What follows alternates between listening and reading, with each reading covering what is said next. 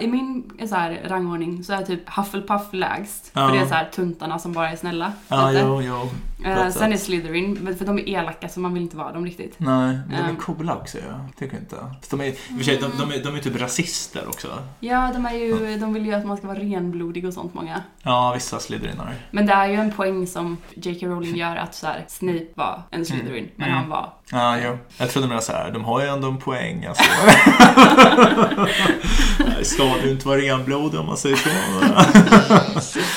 Upp allting du trodde vi byggt upp Här kommer jag och fuckar upp allting du trodde vi byggt upp Här kommer jag och fuckar upp allting du trodde vi byggt upp Här kommer jag och fuckar upp Här kommer jag och fuckar upp Hej och välkomna till podcasten Om och Men där vi reder ut det ni tycker är krångligt och krånglar till det ni trodde var utrett. Med mig, Vincent Flink Gamlenäs. Och med mig, Beatrice Erkers. Nu börjar det här härliga avsnittet. Du, eh, vad har hänt sen sist då, Bea? Ja, vad hände sen sist? Ehm, jag har eh, hängt på landet Nice. och eh, ägnat mig åt lite lantisgrejer. Jag har pressat blommor, Oj, varit ute och gått i skogen, plockat svamp. härligt. Eh, det är kul. Vi, eh, du skickade, eller du, du klagade lite på vädret här i, Ja. idag. Jag hatar vädret. Ja, du... jag kände mig pikad när du sa att du... I, I tidigare avsnitt så pratade Bea om att hon eh, älskar årstider Mm. och att eh, hon tror att folk som bor i typ Colombia är avundsjuka på, på oss som har årstider, att det inte är sommar hela tiden. Och då la jag upp en story på Instagram där jag eh, la upp väderprognosen de närmsta två veckorna och det ska regna varje dag nu. och du skrev... Mm. eh, typ, älskar årstider. mm, Ja, inte. Ja, Jag står fast vid det. Det är ju jättemysigt. Kan du bara gömma dig här inne i lägenheten? Nej, man kan inte gå ut och springa, man kan inte promenera. Men du kan ju gå ut och springa, det är bara det blir bra. Jag tror du skulle säga att du kan ändå inte gå ut och springa. ja, Nej. Eh, men okej, så det har du gjort. ja, men, eh, men precis. Ja, eh, jag mötte ju dig en gång när du, vi var båda ute och sprang. I Just det. Hagaparken. Ja, det har du bevisat. Ja, ja, Jag körde dit och sen äh, väntade jag runt en ek och sen klockade jag så här, nu kommer hon ut. ja. Mm. Nej, men okej, så du, eh, det, det har du gjort. Ja, Ja. vad har du gjort då? Um, alltså jag har inte gjort så här jättemycket, jag har mest jobbat liksom. Men jag kan säga, jag har läst en otroligt bra bok. Eh, Det är Lena Anderssons senaste bok. Mm. Koryféerna heter den. Koryféerna? Koryféerna ett jävla märkligt ord som jag inte har hört innan. Nej. Men eh, det kommer från början från Grekland där man kallade körledarna för koryféer. Och det har liksom kommit i överförd bemärkelse att eh, betyda eh, de tongivande personerna inom en viss krets. Så typ, man pratar ofta om koryféerna inom ett visst politiskt parti. Så att det är de dolda ledarna in till partiet. Mhm. Och det här är då en roman eh, om Palmemordet. Aha. Där det är liksom en fiktionalisering av Palmemordet där Palme blir liksom mördad av politiska konkurrenter och det visar sig att Palme har liksom samarbete med Sovjet. Mhm. Men, alltså så här, twisten är inte för att Sverige ska bli kommunistiskt utan för att Sovjet ska bli socialdemokratiskt. Mm. Alltså den är sjuk, faktiskt sjukt bra. Den är så här, det, det är som en, en galen människas fantasier om Palmemordet. Eh, Men eh, ja, så den kan jag varmt rekommendera. Hon är häftig, Lena Andersson. Mm, jag älskar Lena Andersson. Alltså bästa eh, svenska författaren just nu. Och alltså fantastiska politiska kolumner också. Den mest intressanta tycker jag Public Intellectual i, i Sverige just nu. Verkligen. Typisk... Eh, känns som att Nietzsche skulle gilla henne. Ja, ja just det. Vi har i tidigare avsnitt om Friedrich Nietzsche här. Jag tror verkligen han hade diggat eh, Lena. Mm. Kan tipsa också om hennes, eh, när hon var med i P1 och hade allvarligt talat om du vet. Um, Svara på lyssnarfrågor på ett så här ja. litterärt initierat sätt. Okej. Ja, ja, det, det var Mm. hon och uh, Horace Engdahl som jag också tror att jag har nämnt ett par gånger. Mm, mm. De hade det tillsammans. Väldigt bra. Mm. Mm. Ja, men så det har jag gjort. Hon, eh, hon känns intressant för att hon känns så cool och analytisk och liksom hård på många sätt. Samtidigt som hon verkar tycka att kärlek är bland det viktigaste. Alltså Jo. här, och rom romantik typ, alltså sådana grejer. Ja, precis. Alltså, hon är ju väldigt så här, analytisk och så, men samtidigt ganska kvinnlig. Mm, Alltså, mycket, det är intressant, en intressant blandning tycker jag. mm. Men, eh, Jag, jag lyssnar på en annan podd, Unge Meyers lidande. Ja, kul. Den är bra ju. bland annat vill... Det är kul för um, de, uh, Bianca Meijer då, Mm. som um, är en i podden, uh, frågar Lena Andersson om så här kärlekstips typ, för hon Ja. älskar Lena Andersson. Uh, och då är Lena Anderssons tips här med breakups och sånt. Ja. Att, uh, att man måste bränna ner det till marken. Ja, men gud. Vilket jag Fan vad hårt. här, Ja. Ehm, jag tyckte ändå det var bra för mm, att så här, det är... eh, Man måste veta att man har försökt allt, alltså om man fortfarande Mm. är typ kär i någon typ. Uh, och att det... Ja, det var det hon menade. Okej, alltså Ja, man, man måste uttömma alla möjligheter. Precis. Ah, okej. Och det, jag Mm. tänker att det är det som typ hennes bok, eh, Den egenmäktigt förfarande och sånt, Mm. känns som att det är lite det det Ja. går ut på. Man måste veta att det är liksom nedbränt. Ja, jag måste säga bara om Lena Andersson, vi kanske ska ha ett eh, speciellt avsnitt om henne. Men jag måste bara säga, jag tycker typ att det är hennes sämsta bok, Egen- Egenmäktigt förfarande. Mm. Jag tycker att den här som kom nu är den bästa jag läst av henne. Mm. Och den näst bästa heter Duck City, som handlar om ätstörningar. Väldigt, väldigt rolig. Men den utspelar sig i Ankeborg. Va? Ja, så det är så här ätstörda ankor. Ja. Ja. Oj, va? Den är sjukt rolig. Alltså det är verkligen så här en eh, liksom, allegori typ, över vårt samhälle. Det är bland annat att de, eh, det är liksom ett anorektiskt parti som tar makten i Duck City. Eh, Och de, de så här, gör om kulturpolitiken till att man ska ge alla författare poäng efter hur smala de var. Så att så här, hur bra en bok är beror på vilket BMI författaren hade. Nej, Så att de kommer fram till att den bästa svenska författaren genom tiderna är Nils Ferlin. För att den var så extremt smal. Gud vilken pik mot så här, vil- vilket ätstört samhälle. Ja. Det Verkligen. är kul. Jag, min favoritbok, jag har inte läst så många av henne, men jag Mm. tyckte inte heller att egenmäktigt förfarande var... var- blev jag inte så tagen av. Mm. Mm, men jag var också ganska ung när jag läste den. Mm. Ehm, men ehm, jag tyckte om Sveas son. Ja, den är också bra. Ja. Jättebra. Och det är också ganska mycket, eller det är ändå så här ätstörningar och sånt i den också. Ja, det är det ju. Mm. Men det är hans eh, dotter va, som åker skidor och... Ja, precis. just det. Ragnar. Mm. Just det. Mm. Annat kul om den podden förresten. Ja. Vet du vad de sa härom, härom veckan i ett avsnitt? Nej. Att Björn Ulvaeus är ätstörd. ja, just det. Ja, äntligen så får jag lite rättvisa här. Jag har, jag har ifrågasatt detta. Jag vet inte hur Ja. pålitlig källa det här är heller, men de satte det. Alltså förmodligen väldigt opålitlig källa. Alltså, Jag, jag tycker Jonathan Unge känns som att han också har eh, lite mytomandrag. Ja, Eh, För det, visst är det han och Ja. Bianca Meijer? ja. Ja. ja. Nej men ehm, vi kanske ska gå in på dagens tema. Mm, det kan vi göra. Ja, också bokligt tema, apropå. Litterärt. Ja, Mm, kanske inte lika finlitterärt då, beroende på hur man eh, ser på det. ja, Men vi tänkte prata om Harry Potter. exakt. Um, jag har ju avslöjat, eller det har avslöjats i podden, eh, Ja. kanske av dig, jag vet inte. Men att jag har haft en ganska intensiv relation till Harry Potter i Ja, mitt liv. du har varit en så kallad fangirl kan man säga. Ja, ett Ja. Potterhead. Potterhead. Ja. Aldrig hört, men det är som pothead. ja, ja, Potterhead tror jag är det, ja, det, är det Ja.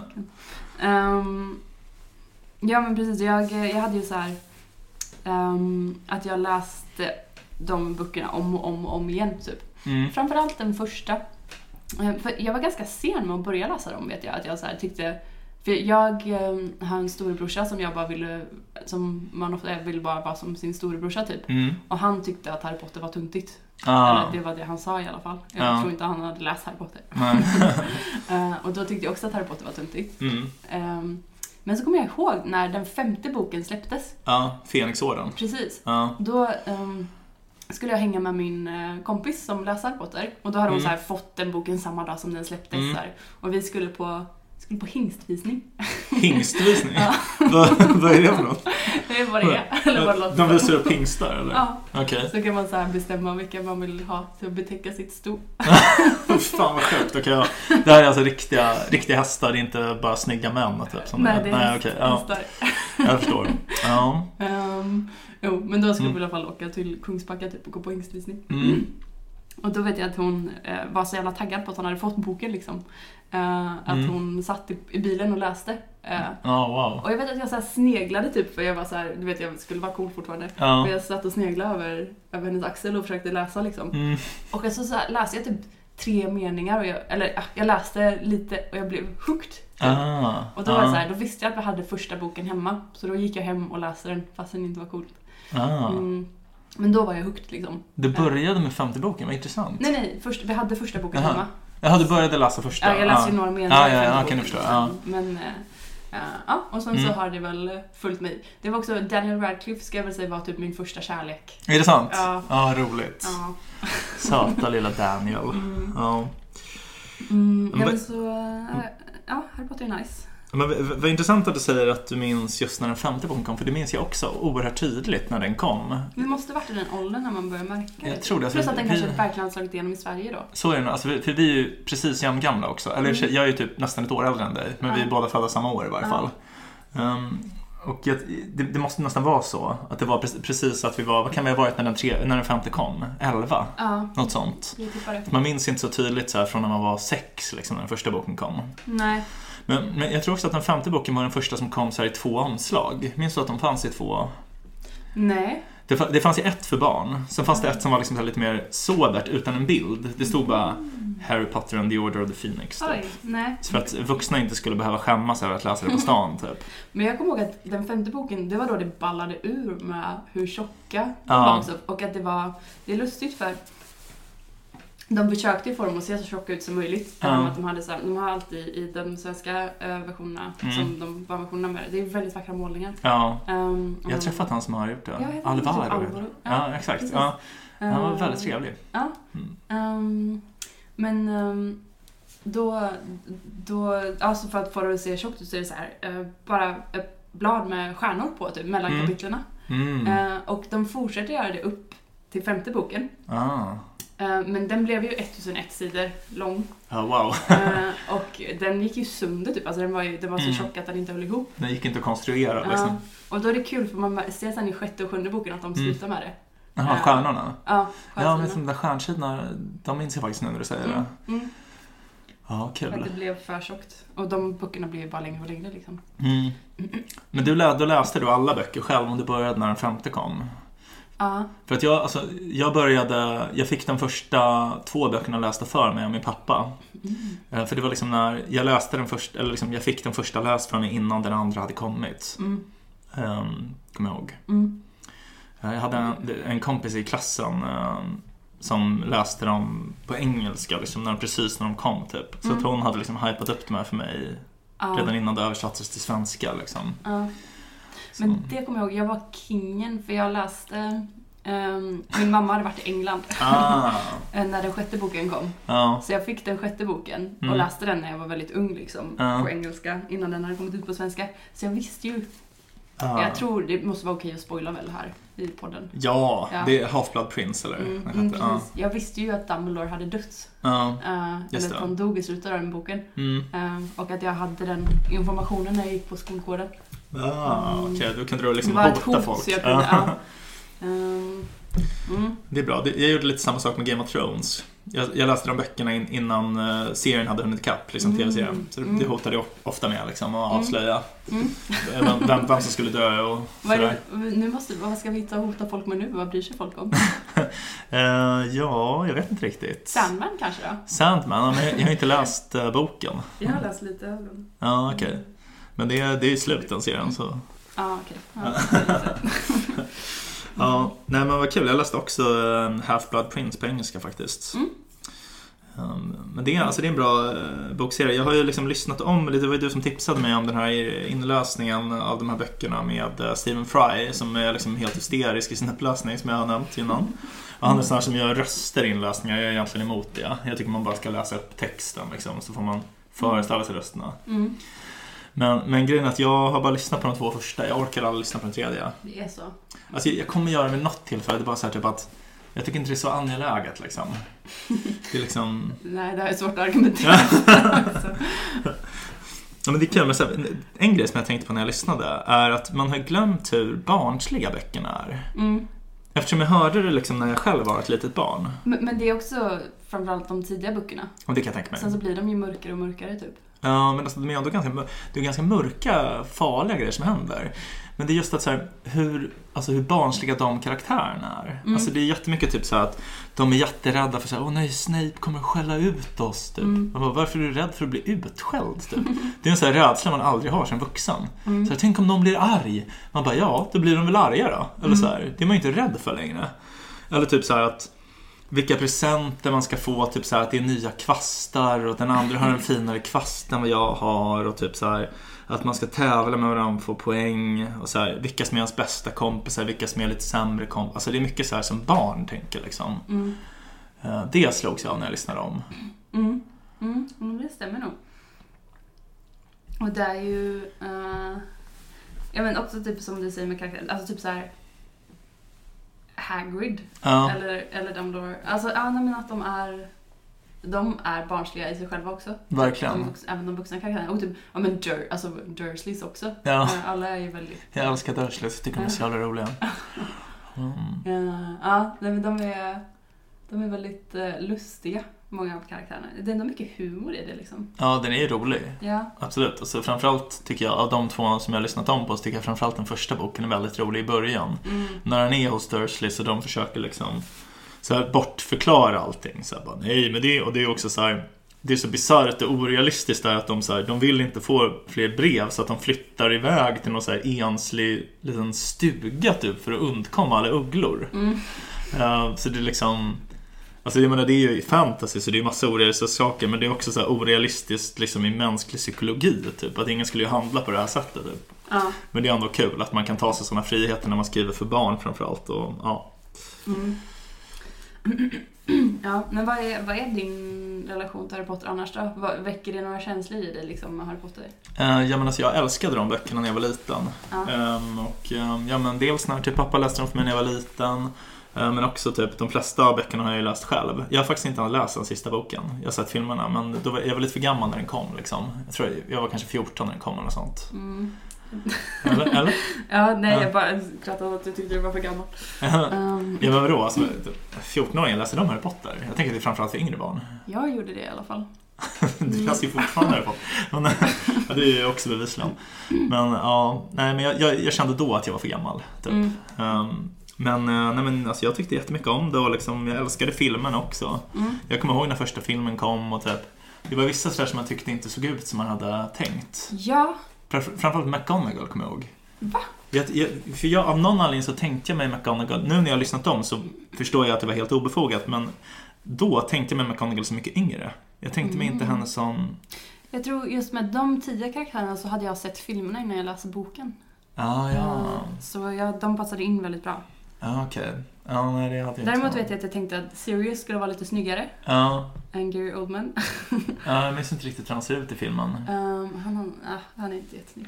Um, och eh, typ eh, Professor Snigelhorn vet jag nej just det. eh, att han inte riktigt passar in. Som Det är, han, det är han som när de kommer hem till honom i början att han är en fåtölj. Yes. Ja, fan den scenen är jävligt bra. Är det, är det bok fyra, Flammande bägaren? Nej. Nej, inte? Eh, sjätte.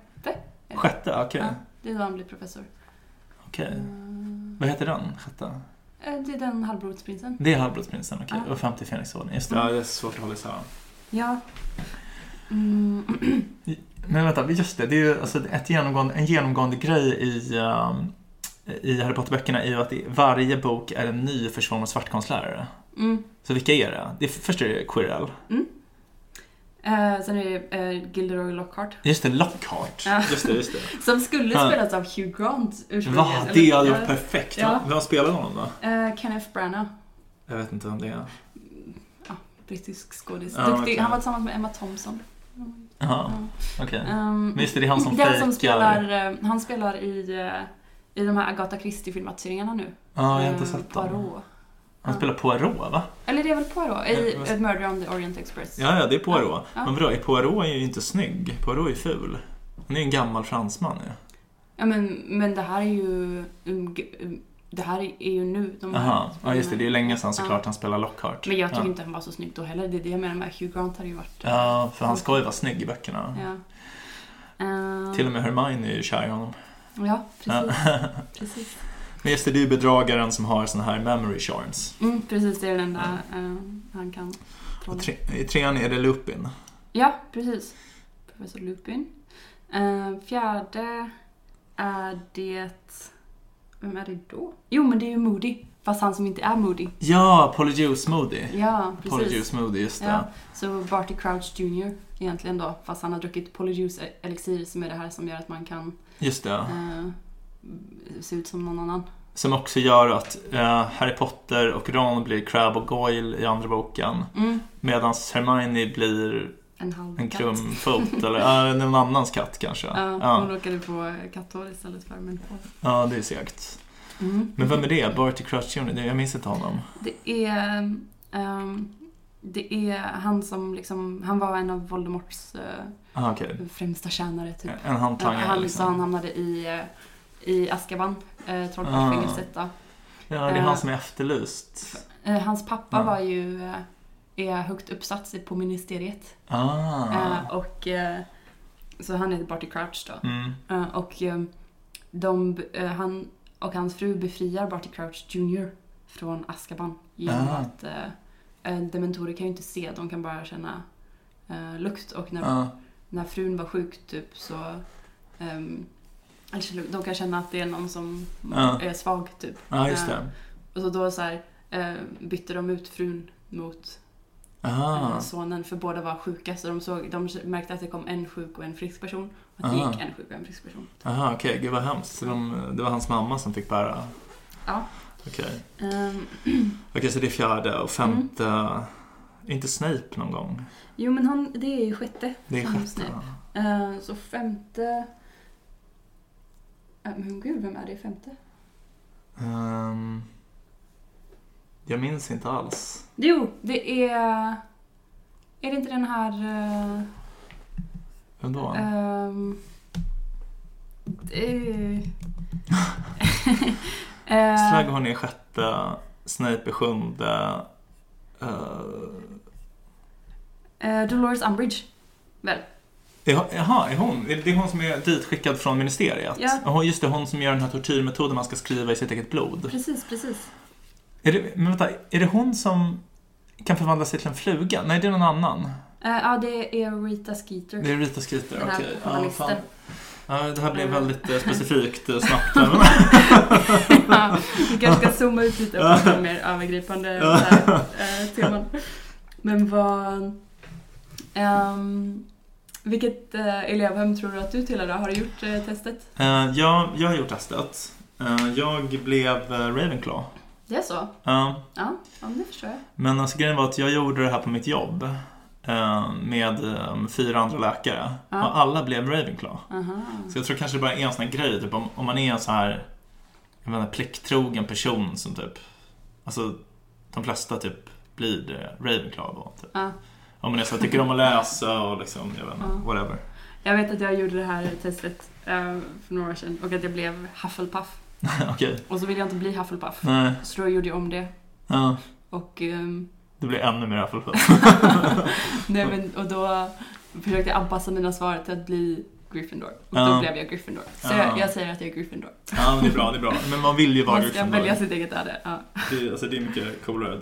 Det, jag tänker att det är liksom, tanken är att det är liksom snällhet i Hufflepuff, godhet är Gryffindor. Och mod. Mod Gryffindor. kanske? Ja, Ja. okej, det är så. Ja. Ja. det, det vet väl bättre. Men Mm. Slytherin känns som att det är så här att man vill bli en stor, stor och... och...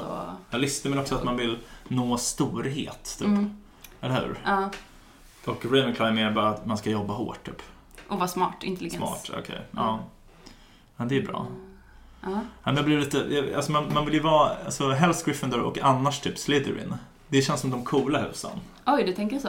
Ja, för så Ravenclaw och Hufflepuff, det är ju ingenting som händer med dem. Alltså Ravenclaw, jag kommer inte på någon. På, I min... Alltså, I min lista så... Vadå, du kommer inte på någon nej, cool någon, någon, Ravenclaw? nej, vem då? Eh, Alltså, Hufflepuff är ändå Cedric Diggory. Men typ Hermione höll ju på att placeras i Ravenclaw. Ja, men hon Eh, gjorde ju inte det. alltså jag kommer inte på någon Ravenclaw överhuvudtaget typ. Ja, jag vet inte. Rowena Ravenclaw. Var det hon som grundade det eller? Eh, ja. Ja. Ehm, nej men det kanske är, kanske är sant. Men jag tänker inte att jag respekterar ofta de karaktärerna bättre. Typ Luna Lovegood. Ja. Eh, Är hon Eller- med då? ja, hon är okej. Ravenclaw. Ja, det är hon som kan också se de här hästarna som man bara kan se om någon har dött ja, framför en, precis. typ. Ja. precis. Ehm, men för, för jag, i min så här, rangordning så är typ Hufflepuff lägst. Ja. För det är så här tuntarna som bara är snälla. Ja, jo, jo. Rätt sen är. Slytherin, för de är elaka så man vill inte vara dem riktigt. Nej, men de är Ehm. coola också ju. Tycker inte. Fast de är, för sig, de, de, är, de är typ rasister också. Ja, de, är ju, de vill ju att man ska vara renblodig och sånt många. Ja, vissa Slytherinare. Men det är ju en poäng som eh, J.K. Rowling gör att så här, Snape var en Slytherin, men Mm. han var god Ja, jo. Ja. Jag trodde mer så här, de har ju ändå en poäng alltså. Det ska ju inte vara renblodig om man säger så. Ja. Eh, och sen så kommer nog Ravenclaw som Ja. liksom näst bäst och Gryffindor som bäst. Ja, ja, men Gryffindor är bäst tycker jag också. Mm, De har bäst spöka också. Almost headless Nick. exakt, exakt. Mm. Ehm, ja, nej men så det, det skulle jag säga är de, min kategorisering av eh, elevhemmen enligt det är bäst. Ja. Nej, men, eh, jag tycker kanske ändå Slytherin är tvåa. Ja, okej. Tycker de är lite ja. coolare. Ja. Är Hufflepuff lägst fortfarande eller? Ja, jag skulle säga det. Mm. Ehm, Det är ju det jag säger, man vill inte bli Hufflepuff. Nej, men det vill de inte vara. Det, det känns också som att de är tjocka där, typ. Jag vet inte varför jag... Eller Men inte att de, har ju älskar Fat, mat, Fat typ. Friar är deras eh, spöke. Jaha, det är därför jag har fått det kanske. Kanske. Ja, Slytherin har blodiga baronen. just det. Som de är rädda för. Ja. Ja, som upptäcker dem i...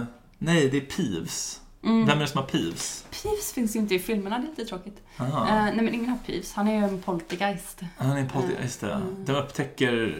Alltså när, när de ska hitta Nicholas Flamel, boken om Nicholas Flamel, Ja. och de är på den här förbjudna delen av biblioteket, då är det väl Peeves som upptäcker dem och nästan kallar så att eh, den här vaktmästaren, vad heter han? Filch. Just det, och han är en, vad, vad heter det här? Eh, en ink. Ink heter det Alltså en, Ja. en ma- magic born without magic powers. Ja. Alltså som, som, som magiska mugglare som Hermione fast tvärtom. Ja men precis, att man är född i en trollkarlsfamilj men inte har trollkarlsförmågor. Ja. Mm. Det är en tragedi. Ja, stackars Filch. Ja. mm, nej men Peeves är en sån som ställer till med oreda konstant. Han är trickster Peeves liksom. Mm, precis. Ehm, mm, men om man ska, ska försöka vara lite mer Allmän.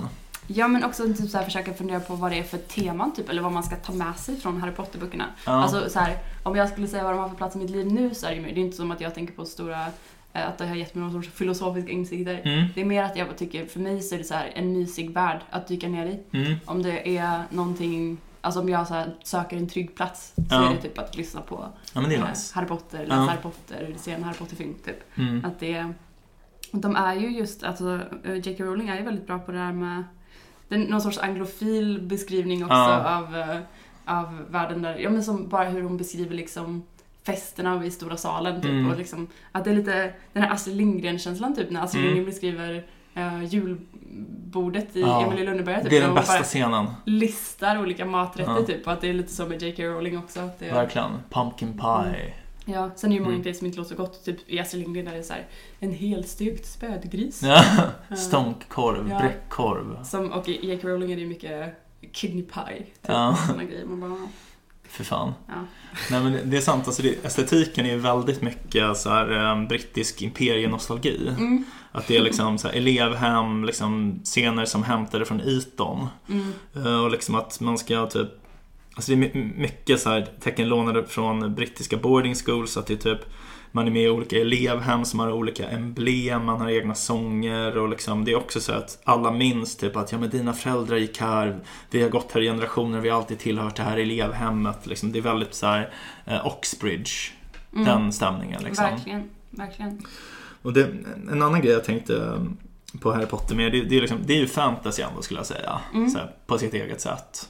Mm. Och eh, all fantasy, liksom, modern fantasy, är liksom, har ju sitt ursprung på något sätt i Tolkien. Han, han grundade ju lite den genren. Så. Mm. Och han har ju skrivit en väldigt bra essä som heter On, on Fairy Stories. Mhm. Som vi har pratat om tidigare faktiskt. Jag tror det var du som tog upp den för att det var då han Jag myntade... pratade om en katastrof där. Exakt, det var han som myntade begreppet överkatastrof. Ja. Och där pratar han om så här, en typ, alltså så här, det som utmärker fairy stories, det vi kallar fantasy, det är liksom att, att de, alltså de har att göra med magi, men inte så magi som science fiction magi som man kallar det, där man liksom vet så här, om du gör det här så leder det till det här. Mm. Utan det är så magi som är oberäknelig, man inte riktigt förstår arten av. Eh, Och det är verkligen något som utmärker Tolkien extremt mycket. Alltså Mm. typ Gandalf, en så här väldigt mäktig karaktär i Ringenböckerna. Mm. Det är ju ingen som vet exakt vad Gandalf kan göra.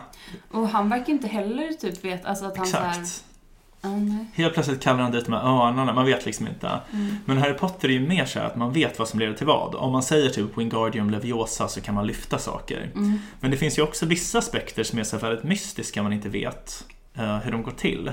Alltså till exempel hur Harry överlever den här dödsbesvärjelsen. Mm. Man får ju inte en så här jättetydlig förklaring. Det är väl det här, ja men att han, din mamma älskade dig på något sätt. Typ. Men Mm. Mm. det är ändå så här, okej men vadå så att alla som är älskade av sin mamma kan överleva? Eller liksom, det är inte så här, Ja, nej men det är att hon lägger en, någon sorts urgammal besvärjelse som skyddar honom. ja exakt. Som man, hon bara kan göra för att hon älskar honom. ja exakt, det, det är något sånt där liksom. Men det, det är lite mer vagt förklarat. Ja, men det är det som också kan, det känns som att det är en sån grej som kan fallera lite när man är, eh, läser det med ett mer kritiskt öga typ. Ja. Att det är mycket som är så här. Alltså jag vet att jag tyckte det var väldigt kul när man läste om böcker när man var liten för att, alltså böckerna, Harry Potter-böckerna för att man märkte typ att, åh, ja just det, men det var ju det här hon planterade i ettan typ och nu planteras Ah. det upp i fyran eller femman Ah. och sådär. Men att det är många grejer som är så här. Eh, som att det framställs som att det är regler, typ så här, som att ja men du kan inte ta dig över Hogwarts gränser om det är omöjligt typ, Ja. för att det är så många skyddsbesvärjelser. Men sen så plötsligt går det Ja. eh, om man är en animagus typ Ja. eller om det är alltså så att det är väldigt många undantag i de här reglerna typ. Eh, och att man märker att det inte riktigt eh, håller ihop ibland typ med, med dem. Så, så det är sånt som, när man är lite neggig, att man kan eh, hacka ner på. ja men verkligen. Men det, men det känns som typ en... Alltså den här, den här liksom trolldomen eller så som, man inte, som man inte förstår hur den fungerar. Det känns som det, det är liksom ett sätt att gestalta någonting så att man ska känna liksom en respekt för som man vanligtvis tillmäter liksom det heliga. Någonting man inte får ifrågasätta. Och jag tänker att det kan ha lite att göra med den här imperienostalgin. Att det är typ Typ de flesta i Storbritannien ifrågasätter ju imperiet och tycker att det var moraliskt fel och dåligt och liksom att därför den estetiken har liksom kopplat samman med negativa saker som liksom förtryck och eh, rasism typ. Mm. Men att man nu liksom gestaltar den här estetiken som någonting som innesluter någonting liksom magiskt och liksom någonting som är präglat av trolldom så att man måste betrakta det som heligt och inte kan bedöma det efter liksom samma måttstockar som man bedömer annat. Typ. Mm. Mm. Att det är som ett sätt att liksom rädda den här estetiken på något sätt. Eh, Skulle man kunna säga. Mm. Mm. Eh, Mm. Verkligen spännande. Ja. Vad- Det är ju lite, vi pratade ju också nu nyligen i konstavsnittet Mm. om eh, att storyn bakom konstverk är viktig. Ja. Och det är ju en bra, det är en bra story. ja, kring- det här är ett väldigt bra exempel på det. Ja, Ja. att det är, men J.K. Rowling, att storyn är liksom, man har fått höra den väldigt många gånger tycker jag, det här med att ehm, ja, men det, J.K. Rowling var som en fattig ensamstående mamma typ. Ja. Eh, och att hon satt på ett tåg eh, från Manchester och skulle åka till London. Jag tror att tåget var försenat också. ja, såklart. Ehm, och att hon bara helt plötsligt fick de här idéerna Ja. om Harry Potter. Eh, och att... ehm, ehm, Han skrev på en toalettrulle eller vad var det? Det var inte något sånt. Hon skrev, hon skrev på en sån här lös papperslapp eller något. ja, så var det nog. Eh, The och, boy who lived. och att det är så här, ehm, att hon bara satt på det tåget eh, flera timmar och bara så här eh, lät idéerna komma.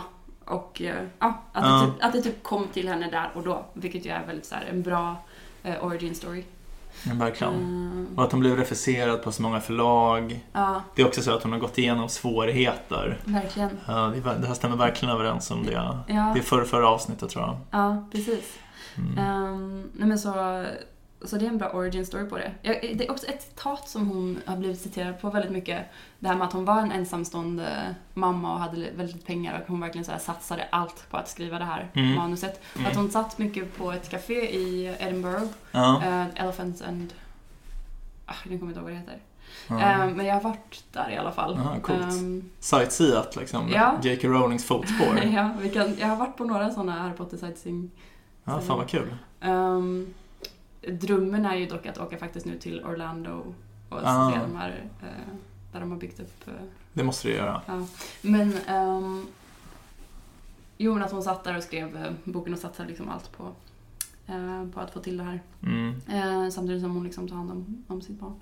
Men att ehm, det är ett citat som heter typ såhär rock, sol, rock became the solid foundation on which I rebuilt my life. Typ att hon menar att Mm. hon hade liksom sjunkit till botten. Jaha, från hon bottom. kunde- Ja, precis. Ja, okej. Ja. Eh, Ja, rock bottom säger man. Ja. Eh, ja, det är väldigt, ja, det är väldigt bra. Ja. Ja, men hon som person är ju intressant också. Det har ju varit väldigt mycket stormar kring henne nu på sistone. Precis. Jag vet inte om du har koll på det här med transfrågan? Jag har hängt med ganska dåligt. Jag tror för att jag inte har velat riktigt också för att det skulle vara jobbigt om det... Nej, alltså jag är inte så uh, intresserad. Alltså, jag, menar, jag tycker att den här transrörelsen online ibland kan vara liksom helt hänsynslös mot människor som verkligen inte förtjänar det. Nej. Jag, jag vet inte exakt vad det är hon har gjort, men jag tror att hon skrev något om typ att uh, Hon, det är Ja. att hon är särartsfeminist eller någonting. Ja, men också att hon säger typ att man är kvinna om man uh, har, hon ställer upp olika, som jag förstår det, biologiska kriterier. Eh, på att man ska vara kvinna liksom. Jag menar, alltså det är också så lite missriktat för jag menar, det tycker ju nästan alla i hela världen. Mm, Det blir så konstigt, så här, då har man valt ut just J.K. Rowling för att kritisera henne liksom. mm. Um, Men det känns som att hon har dragit sig undan väldigt mycket nu också. Bara det. men jag har bara, jag bara följt lite för att det finns en YouTuber som är liksom en transaktivist som jag tycker väldigt mycket om. Ja. Eh, hon heter ContraPoints. Ja. Kan rekommendera. Jag tror att du skulle gilla det också. Ja. Det är mycket så bra kulturkritik, typ eh, videoessäer på YouTube. Ja. Hon är liksom en av de mest framgångsrika. Jag tror att hon kanske är den som har störst follower, followerskara av alla transpersoner typ. Ah, Väldigt bra. Vad, nice. Och, men pratar hon någonting om J.K. Rowling då? Ehm, ja, hon har något avsnitt om J.K. Rowling, men det kom för typ fem år sedan, jag minns inte. Men jag kommer Mm. ihåg att hon har typ på sig en häxhatt och alltså, Mm. det är ju väldigt roliga videor typ. Mm, okej. Eh, Men en före detta PhD-student i eh, filosofi som hoppade av och bytte kön och startade ett YouTube-konto. Spännande. Ja. Eh, ja, men det finns mycket. Jag vet att jag lyssnade på någon podd som heter typ Witch Please. de var så här två, två, jag tror de var kanadensiska litteraturvetare som diskuterade och analyserade Harry Potter. Liksom. Ja, fan vad kul. Ja. Ja, men det, det känns som att det nörderiet kring Harry Potter känner inga gränser liksom. Det är sant, det är sant. Mycket så här fanfiction och sådana grejer. Det är lite lustigt med, med fanfiction också att det är ofta så här erotiska inslag, typ att det är så här Ja, jag vet att det är många som romantiserar typ att Malfoy och Harry ska bli tillsammans och sådana grejer. Oj, kul vilken konstig... Det tänker man sig inte. nej, jag har inte tänkt det. Men, mm, ja, men mycket sånt. Eh, och att det finns den här sidan Pottermore. Vad är det som är liksom... ehm, det är... Det... Det alltså hela Harry Potter har blivit en franchise nu. Men Mhm. Pottermore är liksom ursprungssidan som J.K. Rowling är med och liksom styr. Ah, ja, ja. Och där kan man vara med i ett elevhem och typ spela och lite sånt. Ah, Okej, det är som forum eh, eller vad man ska säga. Ja men precis, och där kan du också testa vilket elevhem du tillhör. Ah, Okej, men det var, det var kanske den jag gjorde då. Ja men det var det säkert. Ehm, Vi hade väldigt lugnt på jobbet så jag satt med den en timme typ. Ja, det är bra. Har svarat ordentligt på Ja, det gjorde jag. Men det är ändå så här, eh, just franchise-aspekten tycker jag är lite spännande för det kan man ju ha en kluven Mm. eh, relation till. Men Att de tjänar så mycket pengar på det typ, eller? Ja, och att det är så här, det ju blir ett urvattnande av Mm. det bara. Ehm, samtidigt som jag tycker franchise är intressanta koncept med Um, men okej, så om vi säger Harry Potter, alltså typ de här ehm, fantastiska vidunderfilmerna som kommer nu. Ja, jag har inte sett dem. Men, De är ju, jag skulle säga, objektivt mycket kassare. Ja. än, eh, men är, är de värda att se ens liksom, eller? nej, alltså inte, inte så här. Det är om du vill ha en mysig stund och gå på bio liksom. Ja, men det är så. För typ, Hobbit-filmerna kom ju, de är ju också mycket sämre än originalfilmerna, men de är ju ändå absolut sevärda. Ja. ja, men det är väl ungefär så kanske med det här också. Ja, okej. Mm. Ehm, men ehm, ja, den sista filmen har blivit uppskjuten hur länge som helst nu för Mhm. covid och grejer. Så Mm. jag tror den kommer i jul. Typ. Okej, okej. Ehm, ja, men och att det bara så här överlag är så mycket som bara... Just det här, men lite som känslan som man kanske har kring Disney, att så här, det är någonting som hovar in barn i ung ålder Mm. och som får dem... mm, Alltså man spenderar mycket pengar på det typ. Mm. Och, Mm. eh, att det blir kanske olika samlarbehov man har eller Mm. ehm, Ja, att det blir en stor del av, eh, av ett litet barns eh, liv. Ja. Ehm, ja, och att överlag så om man är emot eh, kapitalism så Mm. blir ju franchise ett tydligt sånt. eh, Jo, absolut. Men jag tänker också att det är typ ändå värt, alltså att man förtjänar pengar om man skapar det här liksom väldigt njutbara sammanhanget för barn där man kan få kompisar och man liksom delar en fantasivärld ihop. Mm. Jag tycker liksom om man kan göra så att barn får uppleva den här fantastiska känslan så är det okej om man får betalt liksom. Men det är det som är så intressant att de största sådana, eller det som funkar som franchises nu för tiden är ju världsbyggande. Ja. Alltså så, här, så det är typ Game of Thrones, det är en värld. Mm. Det är Star Wars, det är som en, eh, en fantasivärld. Ja. Har- Harry Potter. eh, Marvel, liksom, Ja, alltså absolut. Avengers och allt det där. Och att det, ah, det, det, det är det som funkar för där kan du så expandera i all oändlighet lite Mm, i, mm. I, i en värld. Eh, och att det också, ja men det är ju imponerande att eh, en person kan eh, skapa Ja. så pass. Sen så är det ju så här uppenbart att det, ja, när det expanderar så är det inte bara en person som skapar alla eh, regler i. Men man försöker ändå förhålla sig till de reglerna som Mm. eh, sattes i början. Eh, men det är också intressant i att eh, jag tror också att det är viktigt på ett sätt att hålla historierna vid liv. Typ. Mm. Mm. Att man måste återskapa dem i de medierna som är aktuella nu, om du förstår. Ehm, jag vet att eh, jag hörde någon någon som pratade om liksom, att Astrid Lindgren var ett sånt, sånt exempel på att det är hennes familj som har Som äger Eh, rättigheterna. ja, precis. Ja. och att de är väldigt mot, alltså de försöker, de tackar nej till det mesta i form av liksom att när folk vill göra någon ny version av, eh, Ah, av okej. någon av böckerna. Och att det gör att det stagnerar, alltså nya generationer kommer inte in i de här Nej. världarna. Just det, Eh, det är ju ett man, problem. Man nyskapar dem inte. Ja. Medan Star Wars kommer folk, alltså min lillebror eh, gillar Star Wars. Ja. Eh, Harry Potter är också lite mer så, men att man fortsätter att bygga på världarna och skapa nytt och kanske, ja men som, som jag försökt säga, att man så försöker ehm, förhålla sig till vilka medium som är Mm. de, de som används just nu. Kanske, så, kanske nu att det kanske är mer dataspel, Mm. inte en Mm. bok liksom. Nej, jag fattar. Men det är, um, kidsen eh, pallar inte läsa längre. Alla är uppmärksamhetsstörda. Så är det. Tyvärr. Ja. Lost generation. Ja. Ja, nej men eh, det är absolut en, eh, en bra, eh, bra spaning. Alltså det är lite samma problem med Tolkien nu. Mm. Där, om du har sett, det har ju kommit en ny serie på Amazon. Jag har inte sett den, men jag har sett att det kommit Den, den. den är ganska dålig. Är det så? Eh, Och det beror ju delvis på att uh, Tolkien Estate, alltså de eh, som äger Tolkiens uh, bokrättigheter, Mm. de är extremt restriktiva, liksom då Astrid Lindgren tydligen, Mm. eh, med att sälja rättigheterna. Så att när Amazon skulle göra den här serien så ville de ha tillgång till Silmarillion, Mm. som är liksom en bok som förklarar bakgrunden till Ringen-trilogin. Mm.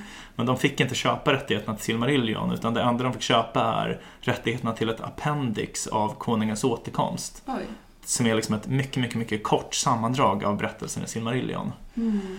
Um, Så att det är liksom, de har nästan inget att utgå från. Mm. Uh, Och det är lite så här, det gör ju att det blir väldigt tunt. Att det blir bara någon snubbe på Amazon som får skriva ihop någon berättelse istället för tolken. Liksom. Mm. Det här geniet. Mm. Ja, men det kan man ju förstå kanske inte blir lika otroligt. Nej, nej men exakt. Ehm, det var lite kul, på tal om fansförfattare, att så här, Tolkien och C.S. Lewis var bästisar typ. Ja, bodde i Oxford. verkligen. Och tolken tyckte ju att Narnia-böckerna var skitdåliga. Gjorde han det? Snackade skit om dem så här. C.S. Lewis skrev, alltså Tolkien var ju lite som en idol för C.S. Lewis. Det var bland annat Tolkien som var anledningen till att C.S. Lewis konverterade till kristendomen. C.S. Lewis var ju under sin levnad framförallt känd som en kristen debattör, in- inte för Narnia-böckerna. Jaha. Han har skrivit massor av böcker om varför man borde vara kristen och sådär. Vad var C.S. Lewis innan då? Eh, ateist, Okej. liksom. Ja. Han är uppvuxen så. Ja. Eh, så intellektuella föräldrar typ. Mm. Men eh, så han, det var lite så här, han hade väl lite så här lillebrorskomplex till Tolkien typ. Så att eh, Tolkien var en av de här Inklings, den här lilla klubben de hade vid sitt universitet. Mm. Och eh, var en av de första att provläsa Narnia-böckerna, ett utkast till Narnia-böckerna. Och han sa bara, nej men det här är inte bra alls. Typ. Eh, Det är för genomskinligt. Liksom, det allegoriska draget är alldeles för genomskinligt. Det här är inte som böcker i sin egen rätt, utan det är bara som en berättelse som i själva verket hänvisar till en annan berättelse. Typ. Mm. Ganska bitande kritik. Mm. Ja, det lät hårt. Han var en ganska sur gubbe, Tolkien. Så här, Är det så? Ja, klagade mycket på popmusik och så. Ja. Men nu ska vi inte snacka om honom, utan J.K. Rowling. Ja, men vi borde snacka om honom. Ja, kanske ett annat avsnitt. Ja. Jag... Men på tal om så andra författare så läste, det var också kul, jag läste parodier på Harry Potter. Ja, fan vad kul. Som är en, någon sorts fanfiction kanske man kan säga. Ja, Det var en, en serie som hette eh, Barry Trotter. ja. Eh, ja, det känner jag igen. ja, ehm, det är... Alltså jag, jag, jag vet inte varför, men jag tror att det var att jag hade liksom, eh, ab, någon sorts abstinens och ville läsa mer Ja. Harry Potter, men så fanns det inte mer Harry Potter och då läste jag Barry Trotter. Okej. Eh, den, den första hette typ Barry Trotter och den skamlösa parodin. Eh, och den andra hette Barry Trotter och den onödiga uppföljaren. Ja. Ehm, men och då var det typ så här, alltså de var ganska, alltså det, jag skulle inte säga att det var bra. Men det var så här saker som var roliga, typ ändå så här. Men som att, eh, alltså Barry Trotter är väl ett ganska kass namn, men typ de andra fick ju olika, olika. Typ, eh, jag vet att Albus Dumbledore hette eh, Drummeldåre. Eh, Ja, det har man väl hört förresten att han heter något kul på norska? humlesnurr tror jag. Ja, jag säger det är bra. Ja, Mm, Weasley-människorna hette Whiskey i efternamn. ja. Eh, eh, Ja, oklart. Ja, nej, jag vet inte. Men det finns många roliga versioner. Eh, kan jag tänka mig. Alltså jag, jag har läst en översättning eh, eh, från engelska till skots. Som är ett språk som talades i slutet av 1800-talet i lågländerna i Skottland. Jaha. Som är liksom en blandning av galliska och engelska. Som, det låter ganska likt nordiska språk. Ja. Och där heter första kapitlet av första boken då Ch- Chapter Nej! The Laddie Well Lived. Mr and Mrs Dursley on number four private loan were proud to say that they were gay normal, thank you very much. Alltså det är liksom... Ja, vad kul. ja. Men det, det var en av de, eh, i min Harry Potter-turism så är det typ så här. Ja men i Skottland är det den där bron som man ser i andra filmen. Eh, när de kör med, flyger med bilen över där tåget åker. Mm, typ, mm. Det, det är ett sånt ställe jag har besökt. Sen typ kan man ju besöka studiorna, alltså Warner Bros-studion. Aha, var är det? Utanför London, alltså det kanske har någonting med, en buss. Är det där de har någon theme park? Jag vet att Lona, min, min flickvän, har en kompis som har jobbat på någon slags Harry Potter-land i Storbritannien någonstans. Jag vet inte var. Men det kanske är den, alltså jag skulle inte säga att det är en theme park. För Men det, är kanske liksom... Är det, då. ehm, Men de har ändå besökare och liksom... Men det är där de har byggt upp så här stora salen och Mm, de har mm. väldigt mycket av det som användes i, i filmerna. Ah, som är liksom, Och det är ju så extremt ambitiöst och väl utfört.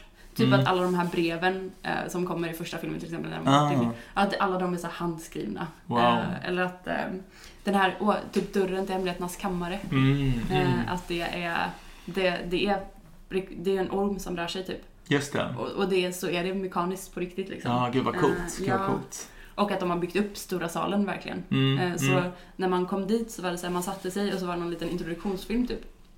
Och så när den var, var klar så rullades ehm, eh, skärmen upp. Mm. Och då var det portarna till stora salen som Ah, var bakom. wow. Så fick man gå och öppna dem och bara what? Fan vad coolt, det här vill jag också besöka. Ja, men det var faktiskt nice. Och så kunde man köpa honungsöl och sådana grejer. nice, mjöd. Ja, och, och de har ju byggt upp Diagongränden. Ah, Okej. Eh, Så det är som att man går där och ser det så här Weasleys butik och sådana grejer. Har Weasley en butik? Ja, just det, det har de ja. De startade en skoj och skämtartikelbutik. Mm, precis, i sjätte boken. Men vänta, så Diagon Alley, det är inte där... Är det dit... Nej, vad heter det här dit de går, som bara unga går till? Inte, för Diagon Alley är ju där Ollivanders är och allt Ja, det. ja. Det finns något annat ställe... Menar du Hogsmeade? Ja, exakt. Ja. Vad är det för något? Det är ju, en, det är ju typ Storbritanniens eh, enda trollkarlsby. Ja, Som är så här, den ligger ganska nära Hogwarts då. Så, ehm, ja, så det är en by helt enkelt där det är liksom... Ja, men- Så det, det är vuxna och så där också. Men att det eh, Hogwarts-eleverna får, från Mm. tredje året har man tillstånd, om man har tillstånd från sina föräldrar får man dit. besöka det. Men det finns också en stuga lite längre bort där Lupin blir en varulv. Mm, spökande stugan. Spökande stugan, okej. Ja, Ja, läbbigt. ja, Men de kastar kanske snöbollar på varandra där också. Ja. Är det inte någon scen när de gör det? Jo, jo. Ja, alltså man minns allt lite som i en dimma eftersom det är bara de här två första veckorna jag har lyssnat som jag har färskt i minnet. De andra är liksom Mm. verkligen så här selektivt minne liksom. Men det känns som att så här, ehm, ja, men om vi bara så här, försöker analysera det lite litterärt, typ Ja.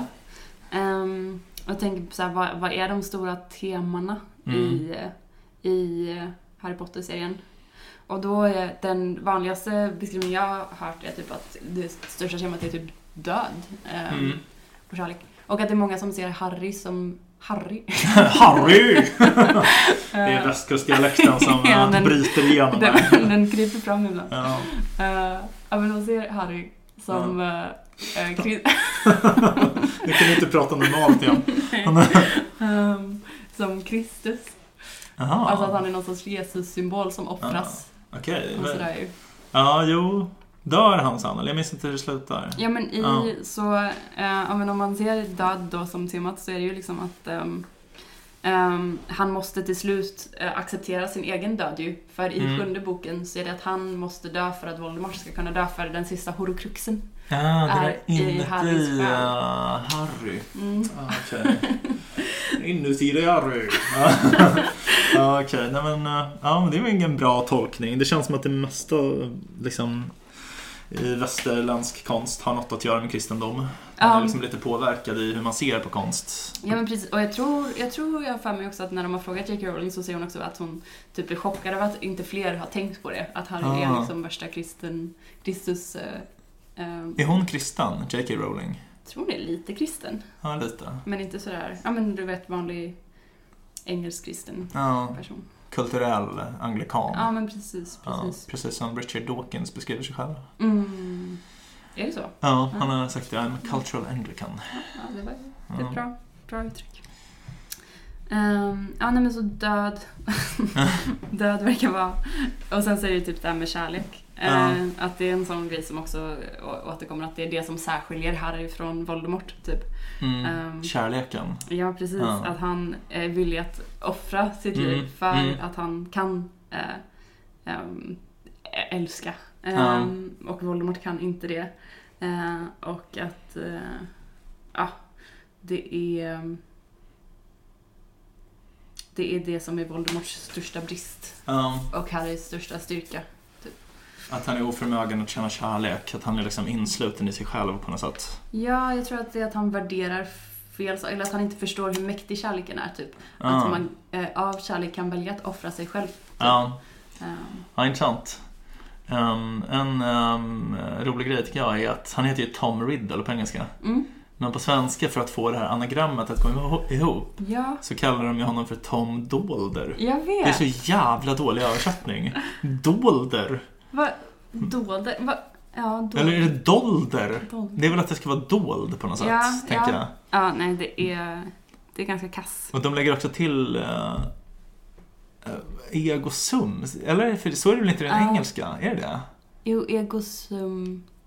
Men är det så på engelska också? Är det inte I am på... Kanske det. Ja, ja, jag vet inte faktiskt. Nej, jag vet inte. Mm, men... ehm, och en annan är ju bara någon sorts här... Att, men lite att världen inte är svartvit. Att det är den här kampen mellan gott och ont. Mm, Men det är många karaktärer som inte, som Harry kanske antar först är... mm. Eh, som, Onda. Ja, men precis. Snape, typ. typ. Mm, Snape Ja. är ju klassiska, är ju verkligen genomgående en sån som, ja, som, som eh, Harry tror är eh, elak för det mesta. Ja. Eh, men som visar sig vara god i slutändan. Mm. Typ. Quirrell är lite sån, fast motsatsen. Alltså att, eh, Ja. Jag tror att han är snäll. Alltså det är i början när, när han försöker besvärja Harry Potters uh, kvast när han spelar quidditch för att han ska dö. Mm, Eh, så tror de ju att det är Quirrell som eh, försöker rädda dem från Snape. mm, Men i själva verket är det tvärtom. mm, mm. Och sen så, det, det är ett litet roligt tema där, det här ehm, ehm, att det är någon sorts rasismallegori, vad man ska säga, det här Ja. med renblodighet. Ja, verkligen. Uh, Det är- Att den här, de har olika åsikter om vilka som ska få vara en del av det här magiska samhället. Att Ja. den, han som grundade Slytherin hade någon vision om att bara de som var liksom renblodiga skulle få vara med. Mm, mm. Ja. Det är också lite Mm. kul att Harry Potter var. Det var väl typ världens mest sålda bok till 50 Shades of Grey. Va? Är det sant? Ja, jag tror det. Har 50 Shades gått om? Jag har inte läst den. Jo, jag tror det. Men det känns som porr. Det känns som att man inte kan läsa den offentligt. Ja, nej men precis. Det känns som att det är lite så här um, pin att läsa den offentligt. Ja, lite. Man skulle inte vilja bli sedd med den liksom. Nej. Ehm, Jag har inte sett eh, filmen heller, men jag har hört den här låten. Har inte Beyoncé gjort någon låt till den här filmen? eh, eh, nej, inte direkt tror jag. Men jag tror hon har någon låt som är med i- på soundtracket. Typ Crazy in Love fast en uh, långsammare version. eller Ja, okej. sånt. men kanske var den jag menar. Eh, mm, men eh, Taylor Swift tror jag har gjort en låt för soundtracket. Ja. Coolt. Ja. vilka bra artister de fick för sin skitfilm. Eller den kanske är bra, jag vet inte. Har du sett den? Nej, jag har faktiskt inte sett den. Jag tror jag har sett pyttelite i början typ. Men att, ja. Jag tycker en, en rolig grej med Va? Nej, Nej, men en rolig grej med 50 Shades of Grey, Grey Ja. det tycker jag är som Liv Strömquist, en um, serietecknare, har sagt att Eh, tänk om den här mannen eh, istället för att vara liksom en eh, näringslivstopp i USA hade varit en arbetslös muslimsk invandrare. Men Ja. hade gjort exakt samma sak. Så här. Hur man hade tolkat det då. Typ så här, tvingat sin fru att träna och så här, hon fick inte träffa andra män. Typ, bestämma Mm. över hennes liv. Mm. Om man hade varit lika så här, positivt inställd som då. Ja, nej, Det är ganska roligt. Ja, det är väldigt lustigt det där. Ehm, det är okej när han är rik. Typ. Ja, Men, ja. precis. Och snygg. ja, exakt. Och Ja. liksom eh, västerländsk eller ja. Men en annan rolig grej med 50 shades of Grey Mm. är, eh, visste du att det är en Twilight eh, fanfiction? Va? Ja. Nej, det hade jag ingen aning om. Jo, så hela serien är att den här författaren eh, blev besatt av Twilight, typ. Okej. Ehm, Så att han, Grey, är Edward? ja, Aha, okej. Det hade jag ingen aning om. och hon är Bella. Ja, okej. Ja. Ja. Och att, ehm, ja, tydligen om man så här verkligen eh, läser det så, så blir det påtagligt att det är så. ja, intressant. Jag har inte läst de Twilight-böckerna heller, men jag har ju sett några filmer. Ja. Jag tycker inte att de var så dåliga. Nej, alltså jag var ju i ganska perfekt ålder när de kom. Eh, Jag vet att jag läste dem. Men de fick ju mycket skit alltså för att vara dåliga, Twilight-böckerna och filmerna. Men jag tyckte, alltså första filmen var ändå värd att se tycker jag. Den var ju Mm. cool, så här, den där scenen när de spelar baseball och spelar Muse i bakgrunden. den är ju asnice liksom. Ja, ja. ja men det, ehm, det känns som att det var en typisk sån grej för att det var tjejiga böcker. Jo, det är sant. Eh, Allt det som det. eh, har tjejstämpel är tuntigt. För övrigt, ehm, samma skådis, Cedric Diggory Precis. och um, Edwards, vad heter han efternamn? Cullen. Cullen, ja. Cullen, Ja. ja. Cullen. Mm. Ja, nej men Harry Potter alltså. Ja, nej, eh, det var en... ehm, Vi gillar Harry Potter. Hur länge har vi spelat in? 55 minuter. Ah, ja, men bra, då Ja. kan vi runda av där. Eh, ja, nej men precis. Harry Potter. Alltså, Ja. vilken, vilken kille. Ja, vilken jävla kille alltså. Harry. Harry. Ja, nej men Mm. eh, jag har inte så mycket mer att säga egentligen. Nej, jag har kanske inte heller det. Jag kan eh, tipsa ändå om Stephen Fry-inlösningarna trots att den är helt hysterisk och manisk. Så är det ändå ganska kul. Det gör det alltså? Det gör att man vaknar till på morgonen på vägen till jobbet liksom. Ja, men jag brukar lyssna på det när jag ska sova, som sagt. För jag tycker det är så mysigt. Ja, och sen får du helt galna drömmar. Han är inte galen. Men, eh, nej.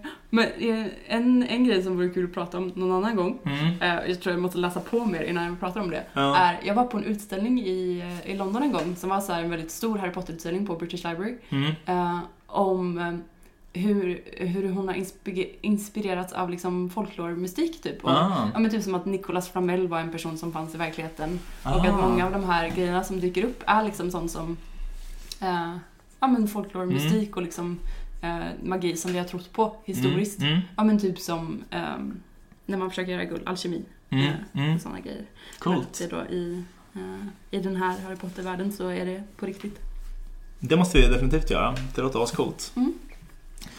Ehm, ja, nej men typ eh, så säger vi då. Om, eh, det, då har vi rätt ut och krånglat till Harry Potter, eller? Exakt, exakt. Ja. Eh, tack för att ni har lyssnat på ännu ett eh, härligt avsnitt av podcasten Om och Men. Där vi reder ut det ni tycker är krångligt och krånglar till det ni trodde var utrett. Nästa vecka kommer vi snacka om någonting helt sjukt. Jag fuckar upp allting du trodde vi byggt upp Här kommer jag och fuckar upp allting du trodde vi byggt upp Här kommer jag och fuckar upp allting du trodde vi byggt upp Här kommer jag och fuckar podcasten Om och Män med Beatrice Erkers och med mig, Vincent Flink Amblenäs. Vi har en mejladress, omochmän@gmail.com om och gmail.com. Hör gärna av er om ni har några förslag på ämnen vi kan ta upp i podden eller om ni undrar något. Vi kommer att svara på alla mejl. Tack för att du har lyssnat. Vi hoppas att du vill lyssna även på nästa avsnitt som kommer på måndag.